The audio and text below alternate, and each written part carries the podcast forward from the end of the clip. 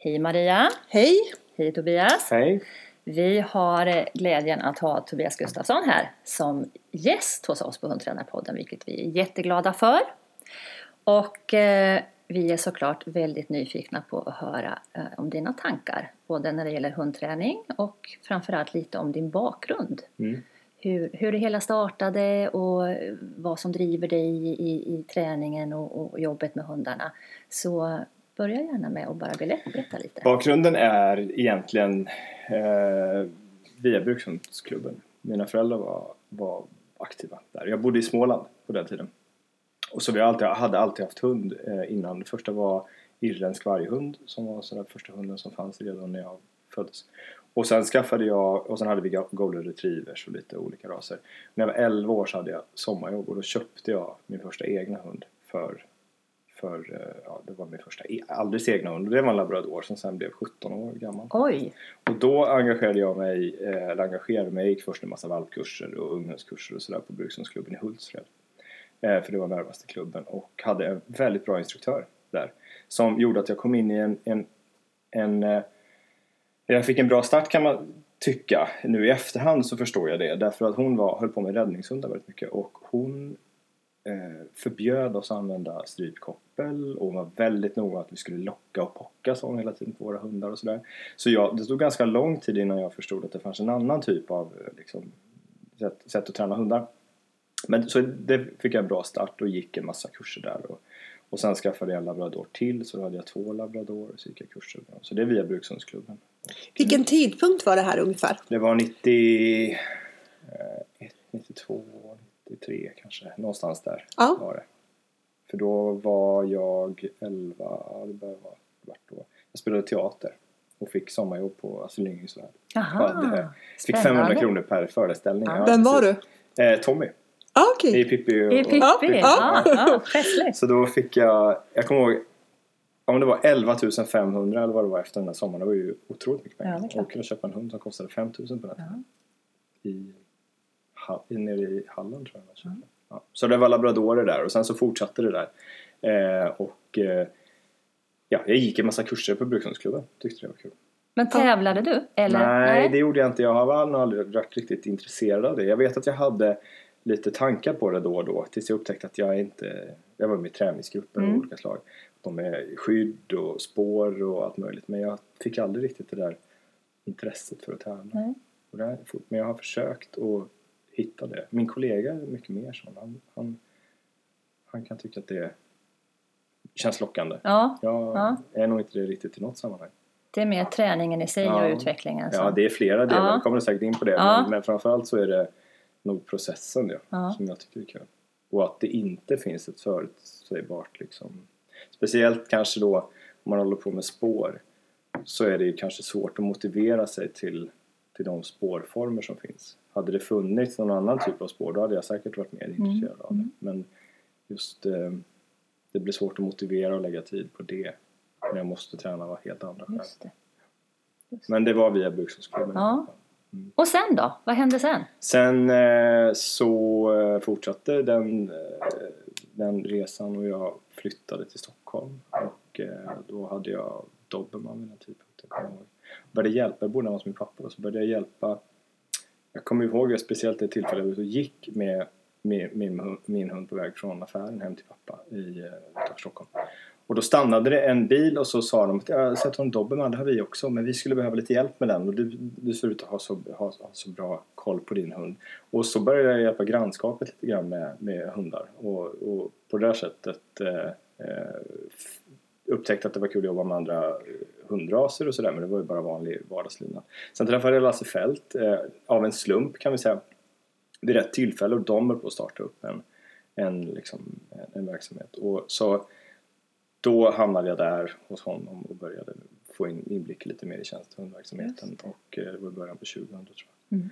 Och, eh, och sen var det också han som inspirerade mig att börja läsa biologi. Därför att jag började bli intresserad av hur, inte minst hur, hur, hur hundar lär sig saker och han, han eh, eh, ja, vi hade väldigt mycket samtal om, och, och diskussioner om sådana saker och jag började inse att det fanns ett värde i att förstå hela liksom, grejen. Varför, varför de eh, gör som de gör och vad, hur artspecifika beteenden kan påverka, varför vissa djur är lättare att lära vissa saker och sådär. Så då började jag läsa biologi på distans i Umeå och i, i Göteborg och eh, under den tiden så började jag också upptäcka att det fanns fler saker än hundar som var kul. Och då hamnade jag på Grimsö så småningom.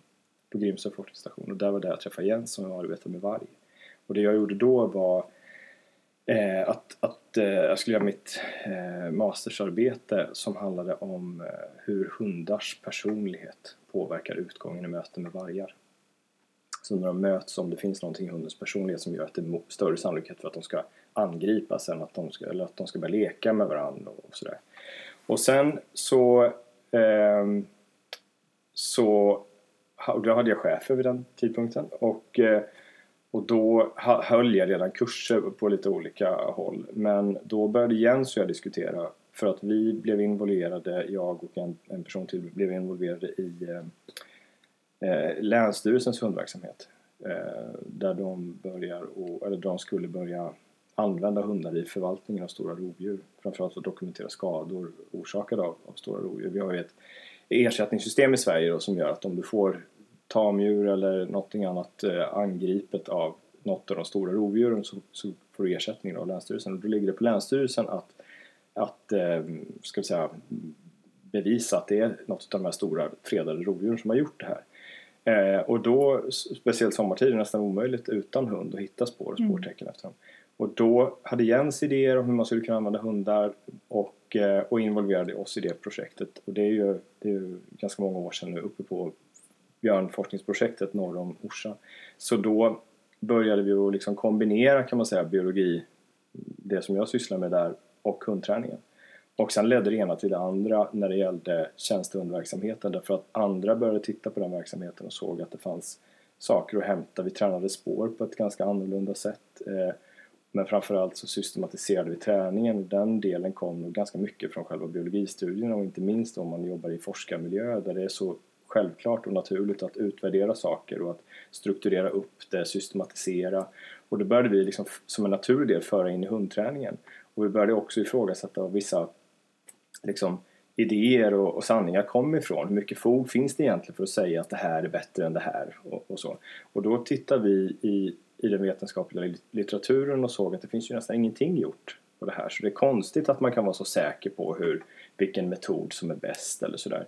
Och det fanns liksom ingenting. Så då eh, så började vi också, och, och det här var 2009 tror jag, så började vi att eh, starta upp ett eget projekt inom SLU där, där eh, vi skulle just försöka forska på sånt som var direkt kopplat till praktisk träning och inte bara till sånt som har varit väldigt populärt inom forskningen de senaste 20 åren, hundforskningen. Och det handlar ju väldigt mycket om sociala interaktioner och hundens ursprung och det som är unikt för hundar när det handlar om deras förmåga att läsa mänskliga signaler och sånt har ju formligen exploderat. Massor med nytt och det där tror jag har gjort att folk också tror att det finns väldigt mycket kunskap om alltså, fakta ja. kring hur man ska träna hundar och sådär men, men det gör det inte alls. Ehm, och den delen ville vi liksom titta på. Hur kan man faktiskt... En sån där grej om, eh, som vi började och, kolla på var om, om hundar kan riktningsbestämma spår och med vilken sannolikhet de kan göra det och om, om det faktiskt är så att de kan det. Och, eh, och då fanns det flera, faktiskt när det gällde det, flera studier som, som hade testat det och visat på att ja, de allra flesta är inte bättre än slumpen. Eh, men ingen hade egentligen kollat på hur man, hur man kan träna det eller om det finns sätt att träna det på egentligen. Och den delen av forskningen ville vi fokusera på. Det som kunde ha en direkt praktisk koppling till, till hundträningen. Sen så tog det fart på andra sätt därför att det, vi upptäckte att det, det fyllde någon slags tomrum där som framförallt vissa statliga hundtjänster och inte minst utomlands sökte efter och det var någon som kunde kontinuerligt utvärdera det de håller på med. De behövde ha snabba resultat och, eh, ehm, och sen så gjorde vi några sådana jobb som blev lyckade och sen spred det sig och, och sådär. Eh, 2010 släppte vi en bok om sportträning och sen så, eh, så de senaste tio åren kan vi säga så har vi i princip bara jobbat med polis och militär och eh, ofta i längre projekt. Eh, hela tiden har vi tränat hundar själva. Eh, och det har varit en jätteviktig del. Det finns jättemånga instruktörer som, som inte tränar tillräckligt mycket hundar kan jag tycka. Och eh, så det vi gör nu då, för att summera det här, det är ju att vi, vi eh, eh, startar upp, eh, till exempel hjälper en ny eh, till exempel militär enhet att, som ska börja med hundar till exempel så kan vi eh, hjälpa dem och, och liksom starta den, den hundcellen som man kallar det för. Ehm, dels titta på hur, vilka hundtyper de ska ha men ofta handlar det om utbildning av hundförare och nu de senaste åren också väldigt mycket om träning av hundar. Så vi, vi utbildar både hundförare och leder hela så att säga, projekt. Eh, ofta är det att man har något nytt användningsområde som man ska göra. Man kanske upptäcker att här finns det en speciell hotbild, det här skulle vi behöva använda hundar till.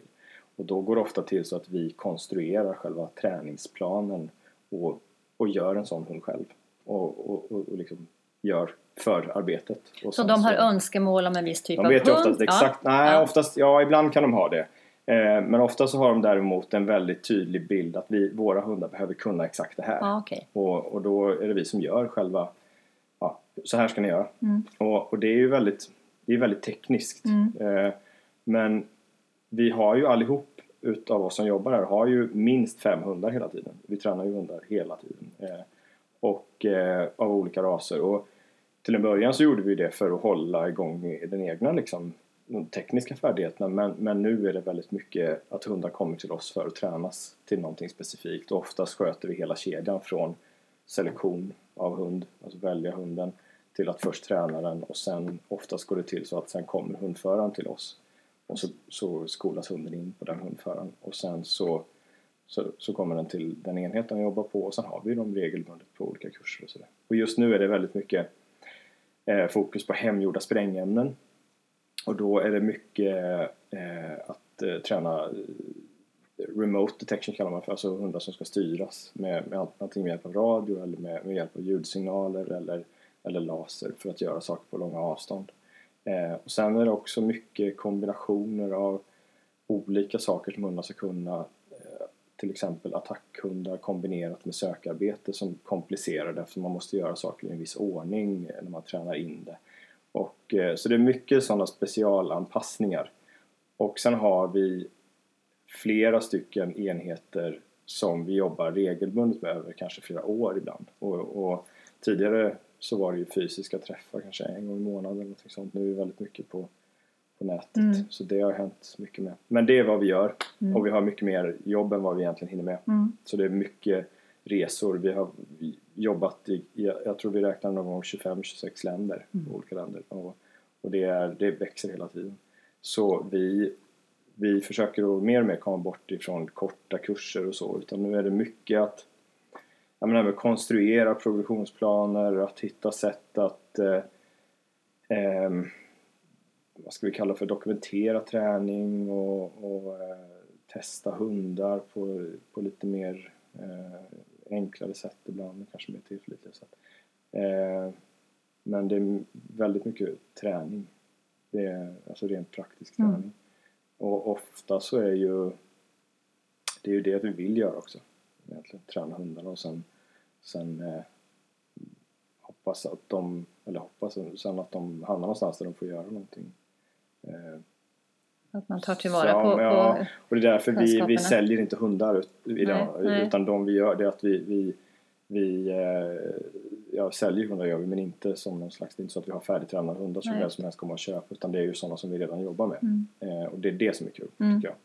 Så just nu så håller jag på med, den här som jag har bilen, han ska åka nu i, i veckan till eh, Holland där han ska leta efter Är det den lilla Stevie? Precis, han ska leta efter digital datalagringsutrustning Ja, som eh, USB-minnen och SD-minnen och sånt. vi har sett honom på Mm. nätet. Så, eh, och då är det... Ja, ja, drivkraften är ju väldigt ofta att liksom när det gäller, eller det som man får ut av det förutom att man håller igång det är, man märker ju att det räcker med att man är iväg en vecka sen kommer man hem och så känner man att det saknas lite Mm.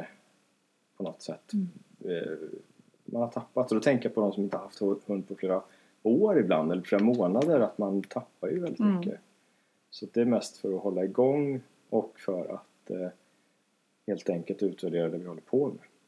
Men när startade SVDI? När, 2009, 2009.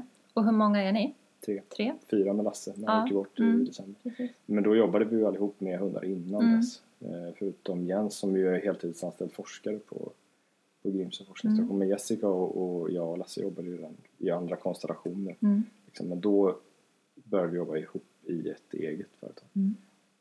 Och, eh, och det gjorde vi i samband med att boken kom 2010. Just det. Men jag tänker på när du inte reser, Mm. när du är hemma och jobbar. Hur kan en typisk dag se ut då? Men det är som verkligen som riktiga arbetsdagar. För då har de här eh, så att säga, plan, eh, schemana som vi följer när vi jobbar med hundarna. De, de är ju väldigt strukturerade. Därför att det är många gånger det är många hundar. Och sen så, så eh, ja, det, där, det är lite komplicerat att beskriva väldigt kort. Men i alla fall, det vi normalt sett gör det är att om man säger att de flesta hundar kan man träna till nästan vad som helst inom tre månader. Om man inte kan träna en hund till de vanligaste sakerna åtminstone. Tjänstehundtyperna inom tre månader då, då kommer man nog aldrig klara det. För att då har man dragit ut på tiden för långt. Så tre månader brukar vara en sån där gräns normalt sett som man sätter. Vi ska träna patrullhund eller någonting annat. Och då är den tiden uppdelad i, i, i delar. Dels vilken ordning man gör saker och ting i. Om det är en patrullhund som ska kunna flera olika saker eller om det är en specialiserad hund. Så då har man börjat med att göra en ordning. Och sen så brukar det oftast vara i tre veckors perioder. Så att man kör, man vet exakt vad man ska göra i tre veckor och sen gör man en utvärdering och ser var man ligger. Och sen är det tre veckor till och sen tre veckor till och så där fortsätter det. Så att det betyder att på måndagarna så vet man ju redan vad alla hundar ska göra exakt. Eh, och, eh, eh och det är ju för att vi har, jag kan visa lite sen, men det är väldigt detaljerade planer. Det står allting, vad de ska, vad de ska göra på varje träningspass. Eh, så vi lägger eh, väldigt mycket tid på, inte på att dokumentera träning så mycket i efterhand. Det tycker jag är ganska ointressant. Men däremot att skriva planer för vad man ska göra. Eh, därför att det som har hänt har ju liksom redan hänt och, och, och det vi kan påverka är ju det som, som kommer hända och det är därför vi, vi lägger den tiden som sagt på att konstruera progressionsplaner. Och progressionsplaner de talar ju om vad hunden ska kunna innan man tar nästa steg. Inte nödvändigtvis hur. Metoder och allting sånt där kan ju variera. Men det talar om att hunden ska kunna stirra i tre sekunder i tre gånger i rad och, sen, och då tar du nästa steg. Och det är liksom produktionsplanerna. Och de har vi ju nu för nästan allting som vi jobbar med. Men ibland behöver de justeras och ibland så...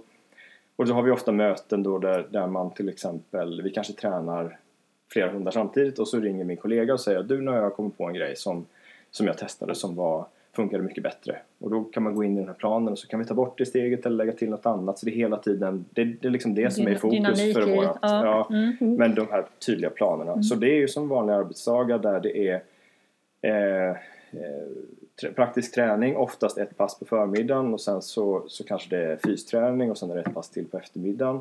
Och ibland kan det Och vara... då pratar vi med, om varje hund Ja, alltså? precis. Mm. Och, och sen kan det ju vara att det är vissa perioder och det kanske är eh, om vi säger att en hund ska kunna olika saker så kanske det är lite temavecka, att man kör bara spår en vecka eller bara bitarbete och sådär. Eh, så det är träning från morgon till kväll och, eller från morgon till eftermiddag och sen är det ofta så att man har med sig hundarna när vi åker iväg och, jobbar för att man tränar på, på nya ställen hela tiden. Eh, men det är ganska så tekniskt. Det är väldigt lite som händer under ett träningspass som inte är bestämt i förväg. Och det är ju ofta beroende på att en del saker ja, speciellt om man håller på med dirigeringen och sånt till exempel. Då går det ju inte ut och och se vad som händer. Nej. Utan det, all- allting är planerat.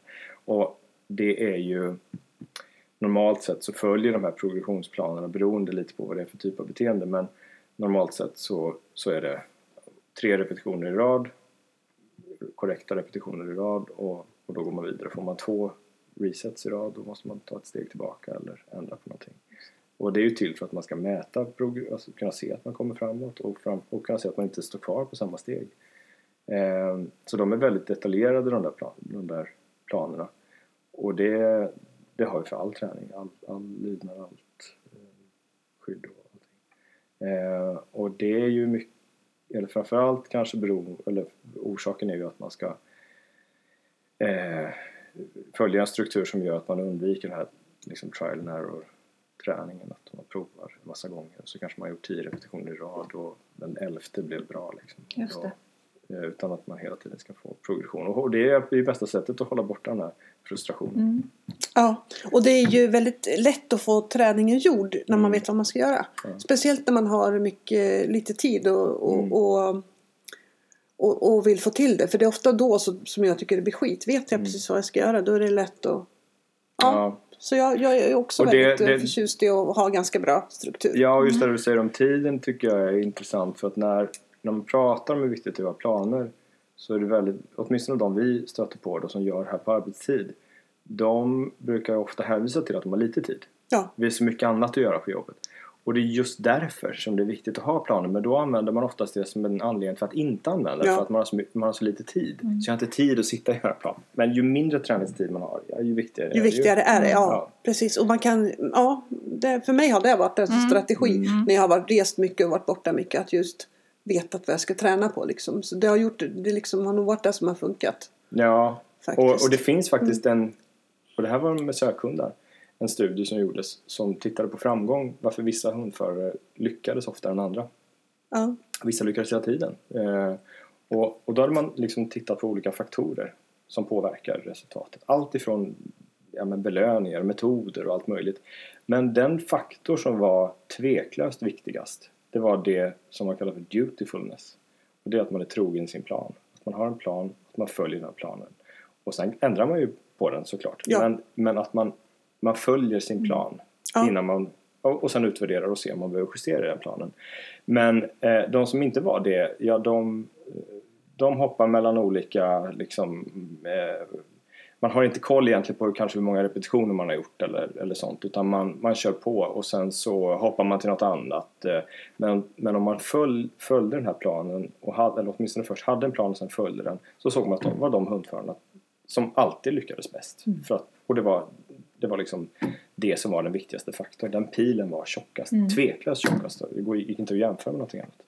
Eh, och det är ju att vara systematiserad och det där är visar ju tydligt också på att metoderna, du kan använda många metoder och komma till samma resultat. Oh ja, absolut. Det har vi ju sett många exempel på. System, Ja. ja. Mm. systematiken som är viktig. Mm. Och den, det, det, det vi är noga med då, det är ju, och det tror jag kommer från vårt sätt att jobba i andra sammanhang med alltså, forskarbakgrund och, och sånt, inte minst min kollega då, att de här målsättningarna eller de här stegen i en progressionsplan måste ju liksom vara helt fria från tolkning. Det måste vara fyrkantigt, det måste mätas på, eller måste ange- anges sätt som går att mäta i Ja, sekunder just och meter och allting. Ja. Det räcker inte med att säga att min plan är att på fredag ska min hund vara bättre på att Mm. spåra utan det måste vara extremt fyrkantigt och mätbara mål. Eh, och inte massa fritext utan det är liksom eh, om målsättningen är då att hunden ska spåra 250 meter och, och det är 249 meter, ja, då är det inte 250 meter. Då, då, då, Då- då har du någonting att mäta emot hela tiden. Och det är Mm. först då du kan se om din träning faktiskt ger något resultat. Ja. Annars är det omöjligt att veta om träningen funkar eller ej. Och det tycker jag är det mest frustrerande i det här jobbet. Inte så mycket längre, för de vi jobbar med är jävligt duktiga på att jobba på det sättet. Men många gånger när man har haft, folk på kurser och sådär, speciellt när man kanske ska se dem om en månad igen eller sådär. Så är det väldigt ofta så att när man ses efter en månad så har de oftast inte kommit längre stans än vad de var första gången. Och i vissa fall har de till och med gått bakåt. Och inte beroende på, det jag brukar säga som är frustrerande, är att vi ser otroligt många bra hundar, otroligt många bra hundförare. Och som man ändå känner att de kommer aldrig lyckas. För de har ingen plan. Och det är det enda som brister. De ser inte att de inte kommer någon vart. För att de liksom har ingenting att mäta emot och det är jättesvårt att veta. Nej, om man... jag, men jag tror att många ser, för det kan jag uppleva på, på kurser och så, att många, många kommer, jag, jag, vet, jag tränar lite Mm. men, men jag vet inte riktigt, jag tycker inte jag kommer någon vart och jag tycker att jag håller på och grottar med Mm. samma saker och så vidare. Eh, och, och jag tror även fast man är medveten om de här sakerna, att det är viktigt Mm. att ha en plan, så är det väldigt svårt att få det gjort på Ja. något sätt. Ja. Också lite beroende på, tror jag, hur man, vad man är för, Mm. lite för personlighetstyp. Ja. ja, och det blir ju lite... För oftast med sådana som vi jobbar med så blir inte det... Det, det, det, det sätt, måste man sätta stopp för med en gång. För att det, det, de, och framförallt så är det ju att de är vana oftast redan i andra arbetsuppgifter och jobbar väldigt tydligt, alltså enligt protokoll. Mm, protokoll. mm, så att mm. det, det kan vara ganska kul när man ser då hundförare som kanske har väldigt lite hunderfarenhet men som ändå gör saker som är otroligt avancerade och lyckas. Fast de, de vet inte om det. Men de är så jävla vana vid att följa planer så att det blir helt naturligt för dem att göra det även med hundarna sen. Eh, och lägger inte in en massa känslor och, och eh, liksom ofta beskriver hundförare det här tror jag att min hund kommer att göra när det och det händer så därför tänker jag inte göra det. Att de har redan målat upp hela scenariot liksom. och det där är det största hindret. Utan att man en, en, en sån här grundprincip på kurser och så brukar vara att man har max en minut på sig att beskriva hur träningspasset gick. Och sen måste man lägga resten av tiden på att beskriva vad man ska göra i nästa steg. Därför att hundägare, och jag inkluderar mig själv där, om man inte lägger band på sig, det är ju att vi kan ju prata hur länge som helst om, Ja. om våra hundar och vad de har gjort och allt. Och allt har ju redan hänt. Det är Ja. liksom bara max en minut och sen måste vi planera. För det är ju lite det här med att det finns ju bara en begränsad del av hela det här som vi kan påverka egentligen. Så att det vi vet om våra hundars personlighet och hur de brukar vara och ja, okej. Men vad ska vi göra åt det då? Ja, det är det, går som är inte, intressant. Det inte, liksom, utan det enda vi kan påverka är ju liksom träningen och vår egen del i det. Mm. Så att man inte fastnar i sådana här väldigt fruktlösa resonemang och, och, och spekulationer kring vad man vet om sin hunds personlighet och, och sådär. För att, trots allt så är ju de flesta saker som vi ska lära våra hundar väldigt enkla. Det är inte, det är inte jättekomplicerade saker. Nej, men det är ju svårt där tycker jag. Eh, att, att inte lägga, för det här handlar ju mycket om att inte lägga för mycket Ja. känsla och värdering i eh, vad hunden gör. Mm. Och, och speciellt svårt är det ju med ens egna hundar tycker jag, som man då har en känslomässig Mm. relation med. Så det, det här är ju någonting, tror jag, som man verkligen får jobba med. Ja, Bli medveten om det och jobba helt- med, för det är ja, inget som precis. kommer självklart. Nej, Inte men det för dig i ligger alla i, fall. för mig ligger det i planering, alltså Ja, i planen. ja. Därför att det lämnas ju som inte utrymme riktigt för det utan man får man måste lägga det åt sidan och sen tänka att det, det vad, vad, är det, vad är det jag vill ska hända och vad är det för delmål för att komma dit. Och det är ju praktiska saker, det är väldigt fyrkantigt. Det handlar om att hitta förstärkare som fungerar och när de ska levereras och var de ska levereras och, och sen så, så ska man nog vara liksom det blir ju lätt att om man då misslyckas med sin träning så blir det hela tiden att man försöker hitta förklaringen i det man vet om sin hunds personlighet eller mentalitet. Och, och det blir ju mest bortförklaringar då. Mm, Därför helt riktigt. jag tror inte att det finns någon personlighet som, hos en hund som gör att det blir omöjligt att lära om de saker vi håller på med. För så komplicerade grejer är det inte. Utan det blir snarare ett mentalt hinder för oss att vi inte, att vi liksom vet att, att man har en hund som är det ena och det andra och sådär.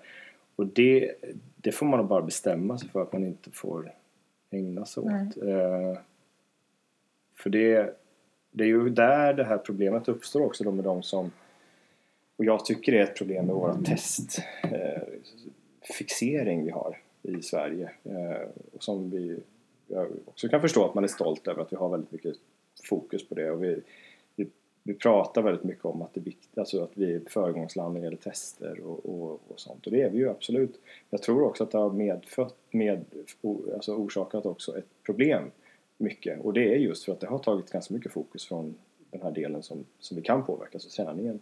Vi förklarar väldigt mycket vet väldigt mycket om hundars mentalitet och personlighet. Och, och jag märker också att och framförallt hos tjänstehundförare att det här te- L-testprotokollet sen det kan vara ett, någonting som följer med dem hela karriären. För de använder alla problem som uppstår i träningen kan man härleda till det här protokollet liksom, där hundens personlighet beskrivs som någonting extremt så statiskt och som, som säger att så här är din hund och det innebär att den alltid kommer att bete sig på det och det sättet. Så jag, jag är ju en förespråkare av att ha så små eh, test som möjligt med så lite information som möjligt. Bara det allra nödvändigaste för att hundföraren inte ska bli fast i det där liksom att det här går inte att ändra på. Utan det, och det tror jag att har blivit ett, ett problem. Att vi lägger för stor vikt vid det. Och det är, eh, det är inte utvecklande tycker jag för hundtränare. Utan jag tror att om man har lagt alla de resurser och både tid och pengar på, på de här projekten som man har gjort genom åren istället på att utbilda hundförare i olika sätt att träna hundar på så hade man klarat sig oftare Mm. än att eh, fokusera på det som vi ändå inte kan göra något åt. Nej, precis. Så, Spännande tankar tycker jag. Jag vet också att ni fokuserar väldigt mycket på lekutveckling. Eller väldigt Ja, mycket, det- men en hel del i alla fall. Ja, det, men, men det, det där eh, det kan man återknyta till det. Det var när jag jobbade med Lasse. Eh, Han var mycket fokuserad på lek ur ett annat perspektiv.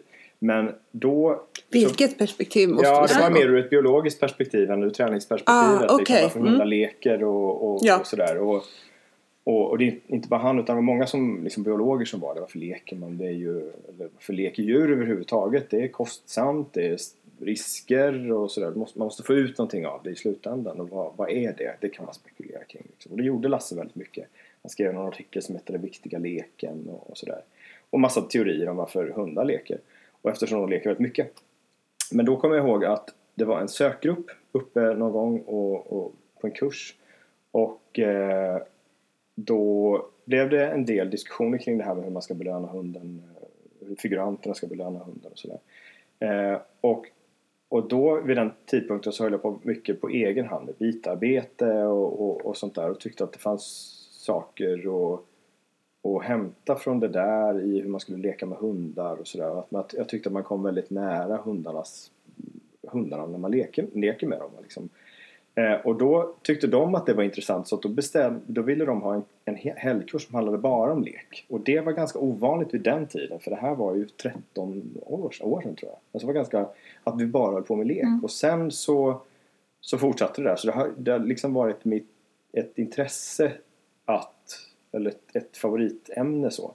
Eh, och en viktig del av min träning. Eh, och lekutvecklingen är ju varför den är viktig är kanske ja, men delvis för användande i träningen. Men också för att det finns vissa saker som påverkar resten av karriären med den här hunden. Och tränings, och varenda, egentligen varenda träningspass och varenda stund i vardagen egentligen. Och det är ju en del av de konflikter som man stöter på i leken, alltså släppande till exempel. Har man inte en hund som släpper eh, konfliktfritt så kommer det att påverka vartenda träningspass där man ska använda en belöning, en, en leksak. Eh, och jag hade några sådana hundar som eh, jag hade jättemycket problem med. Och kände bara att det här får aldrig hända igen. Det, det förstör ju allting. Liksom. Och jag känner att varenda konflikt som uppstår i leken, eller som uppstår i eh, träningssituationer följer mig in i vardagen sen. Och så är det så tydligt att det här blir en förtroendekris liksom varenda gång som till slut påverkar oss i alla situationer. Så att leken, om man då gör det på fel sätt, men det finns ett fel sätt, men om man stöter på konflikter i den, kan leda till en massa grejer. Och det där tänkte jag mycket på när Lasse eh, vid den tidpunkten pratade om att leken hade en, en, ett, liksom en funktion i relationen när hundar träffar varandra och sådär och att det finns någonting där som, som, eh, som kan påverka båda riktningar, både positivt och negativt. Så att om man då leker på vissa sätt så kan man faktiskt för, för, försämra relationen till sin hund.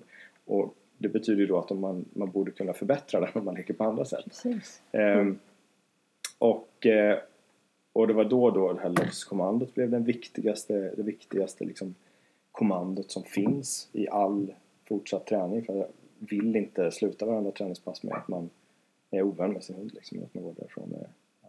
Och sen märker man då att i vissa typer av träning så påverkar det ännu mer. Alltså söket, om man ska ha eh, detaljer eller finsök och hög koncentration så börjar hunden tänka på den där konflikten som snart kommer hända när jag får den där belöningen. Så får den försämrad sökkvalitet också. Så det är massor med saker som påverkar. Eh, och, eh, och därför så, så har jag alltid hållit på med den där lek, eh, lekutvecklingen och sett det som ett, en, alltså någonting jag tränar på helt separat också. Dels därför att det handlar om att utveckla belöningar för att använda det tekniskt i träningen. Men också då för den här eh, relationsskapandet. Men också för att stärka hundarna. Att det, fin- det är ett väldigt bra sätt att, att, att få dem eh, att bli starkare liksom, i, i huvudet. Det jag på med här nu på förmiddagen faktiskt med en, en, en sån här. Eh, att få dem att, att, att känna att det lönar sig att ta i, att, att de kan vinna och att eh, de eh, eh, att det inte är en, liksom en, en maktkamp mellan två utan det handlar om att, att uppnå någon slags tyst överenskommelse mellan två helt olika arter. Att vi har en resurs här och den, den, ska du känna dig säker på att om du släpper den så får du tillbaka den igen. Och om jag, och jag ska känna mig också säker på att om jag ger min hund leksaken så vet jag att jag kommer få tillbaka den igen. Och det förtroendet när man har uppnått det och man känner att min hund kommer alltid tillbaka, den lämnar alltid leksaken. Då plötsligt kan man liksom lugna ner sig för man vet att jag kommer inte hamna i en situation där jag inte får tillbaka hunden eller Nej, inte får nej. tillbaka leksaken. och det är där någonstans jag tror att relationen att det händer någonting med Mm. relationen därför att då det är ju lätt att säga till en hundägare slappna av, ta det lugnt, var trygg. Du vet, det går ju inte. Men just genom att man känner att nu är hunden och jag i en situation där vi kan dela på en resurs som jag vet att han verkligen vill ha. Mm. Men han och jag är båda helt säkra på att vi får tillbaka den. Det är ju då man slappnar av på riktigt. Det- Då behöver jag inte låtsas längre utan då vet jag ju att ja, då, då, då blir jag trygg i träningssituationen. Och, och på det sättet så, så tycker jag att det är en viktig del att göra innan jag börjar med någon annan träning. Att om inte det funkar till 100% då startar inte jag någon träning överhuvudtaget. Kan man lära alla hundar att leka? Nej, det tror jag, eller ja, det kan man väl säkert göra men, men det finns ju naturligtvis och det ser vi ju också och det är ju en fördel med testerna skulle jag säga att man tittar på det på någon slags populationsnivå så är det intressant att titta på rasskillnader. På individnivå tycker jag det är fullständigt ointressant men på, på, på rasnivå då ser man att det finns skillnader absolut. Mm. att det finns vissa raser som är mer benägna att leka en viss typ av lek eh, och att det är vissa som inte har något stort föremålsintresse. Så det är klart att det finns en genetisk komponent alltid och inte minst ser vi det på gripandet. Eh, men däremot så går ju alla hundar det går ju alltid att få dem att bli mer lekfulla och tar man en del av de hundarna som vi har labbar och spaniels och sådär så förändrar vi ju leken jättemycket. Alltså det är ju inte typiskt sätt för en labb att leka så som jag leker med mina labbar. Men det finns ett syfte med det. Och det ena är ju att jag vill inte att de ska vara så mycket labbe alltid. Därför att det finns, eh, en del labbar har jättemycket jakt, alltså fara efter saker. Och så fort det blir lite motstånd så släpper de och blir liksom helt liksom faller igenom helt och hållet. Så genom leken så kan man ju få dem, och även dem, att- börja ta i och, och, och kämpa. Och så märker man att det tar med sig in i träningen sen. Det är liksom gå i situationer där det tar emot. Så att det går ju i alla fall att få vissa raser som inte har det naturligt att leka på det sättet och ändå leka så. Och, och det gör vi. Så det är inte så att jag låter dem vara som en labbe bara är labbe Nej. utan då, då ändrar vi det. Och, eh, och sen tycker jag att ett annat vikt, en viktig del med leken det är ju att få, få dem att vad ska vi säga kanalisera all den här intensiteten in till rätt sak. Alltså dels genom det vi kallar för targeting, att, att lära dem bita på rätt ställe. Men också att lära sig att eh, lek kräver koncentration också. Lek är inte bara att bli aktiv och liksom som i många hundar också ser vi att de blir bara liksom utsatts för någon typ av lek som skapar frustration istället. Eh, så att det är en jätteviktig del av själva utvecklingen hos valpar inte minst att lära sig koncentrera sig.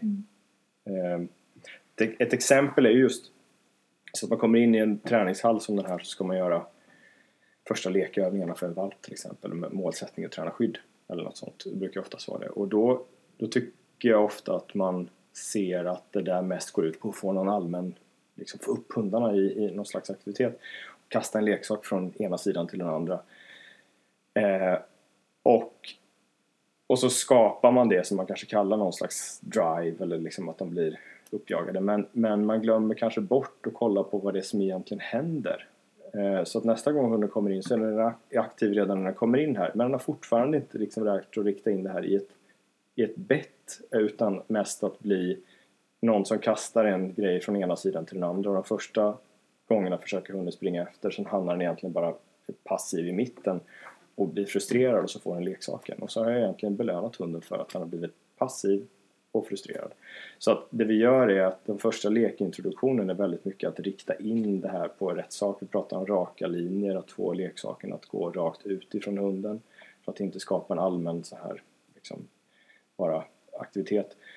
Och på det sättet få dem att lägga den här kraften istället in i ett bra bett och, och en jaktsekvens som inte bara handlar om... eh, för då kan de komma in i nästa situation och faktiskt vara koncentrerade redan från start för de vet att från första lekpasset så har det lönat sig att vara koncentrerad, inte att bli uppskruvad. För där kan man se ganska många hundar som man misstar sig på sen, att man ser att "Ah, den här är jätte liksom, galen. Och så märker man när man börjar att att leka med att det är inte mycket i den. Det är liksom dåligt bett och det, det är eh, liksom bara full gas men det är inget bett. Och sen ser du andra som är jättekoncentrerade och som biter i ordentligt. Mm.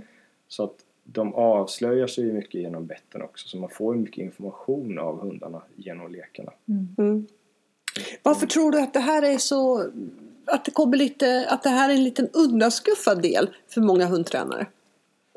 Är, jag- upplever det som att det är väldigt, väldigt vanligt att man snabbt vill till momenten och man vill snabbt dra igång med den riktiga träningen.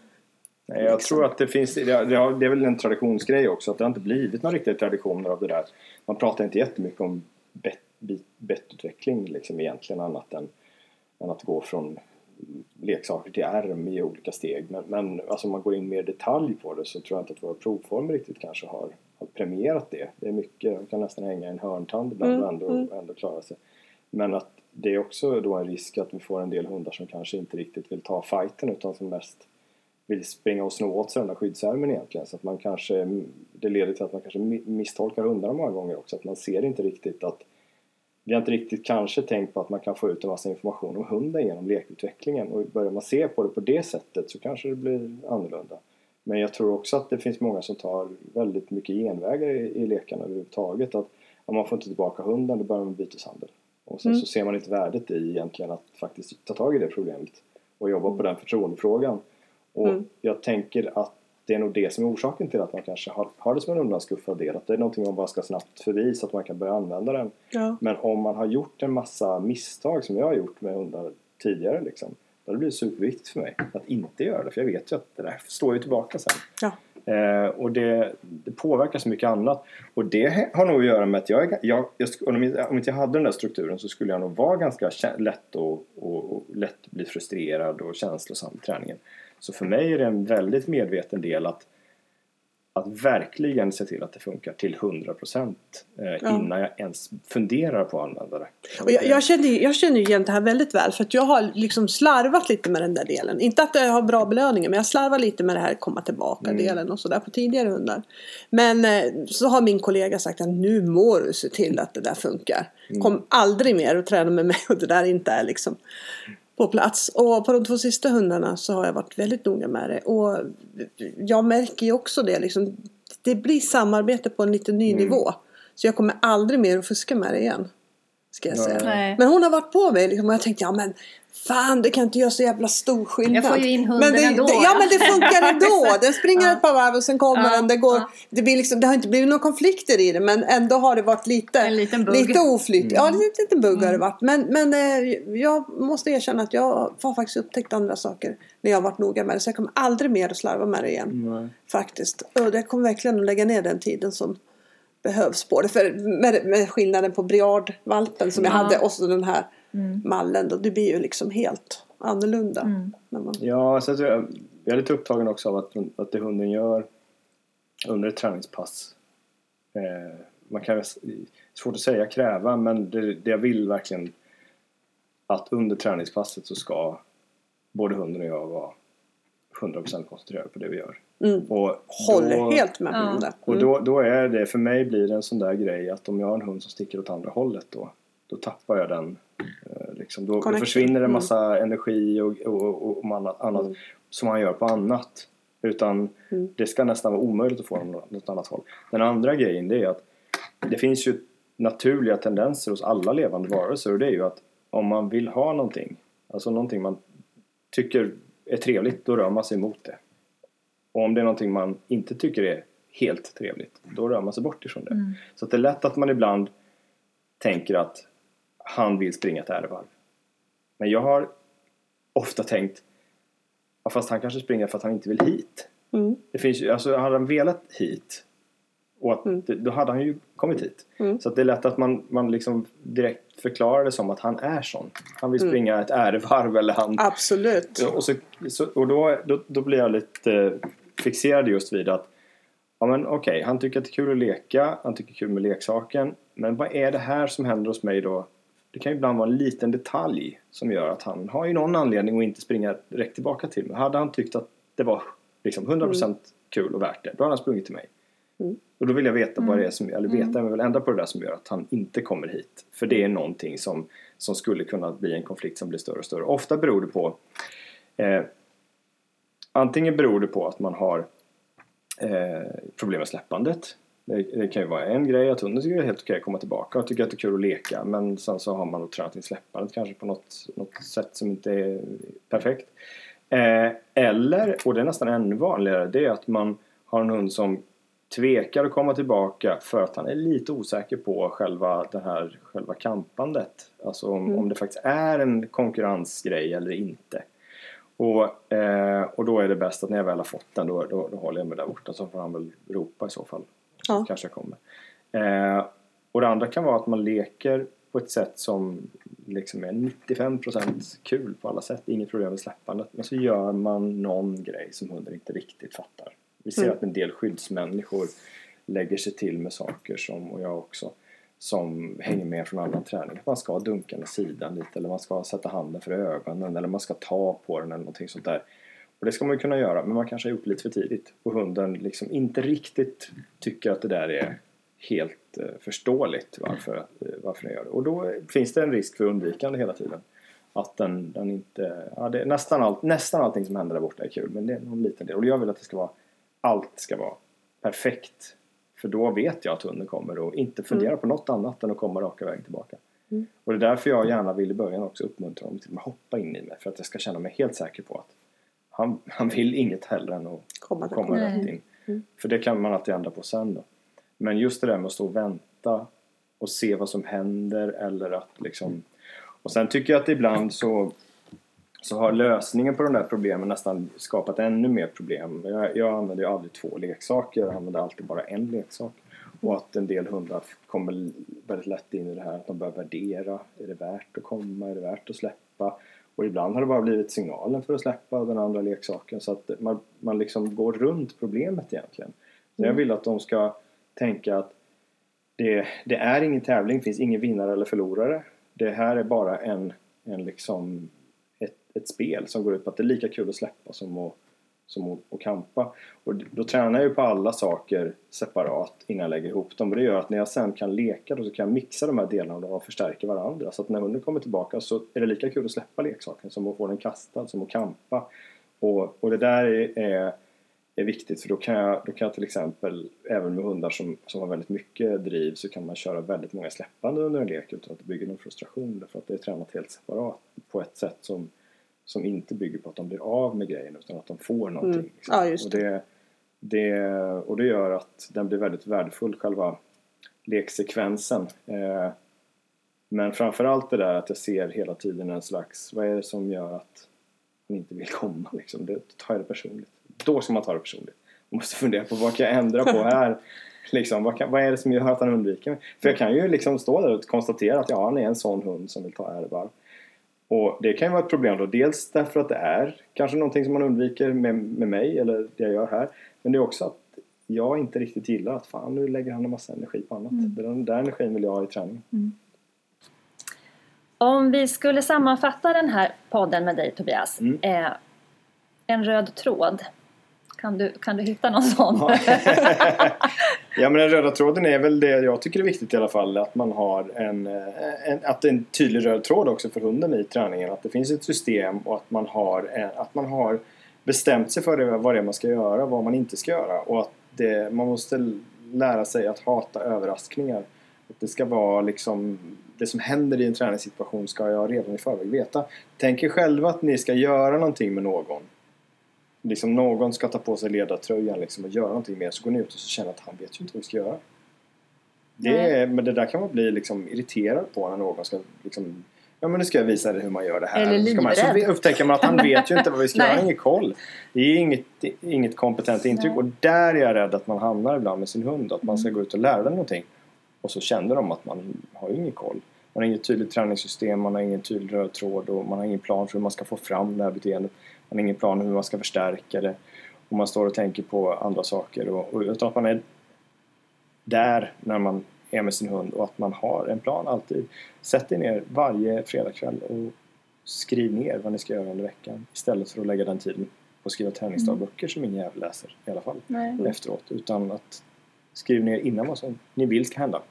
Hata överraskningar. Det är en bra tes att ta med Mm. sig. Mm. Ehm, ja. och, och sen också det här med träningssystemet i sig. Att det, det, det är svårt att säga vad som är liksom är rätt träningssystem. Jag tänker på det även när man pratar om lekar och sådär. Att en del känner sig bekväma med att tjoa och kimma och vara väldigt högljudda. Jag gör det inte. Och det behöver inte betyda att det ena är rätt eller fel.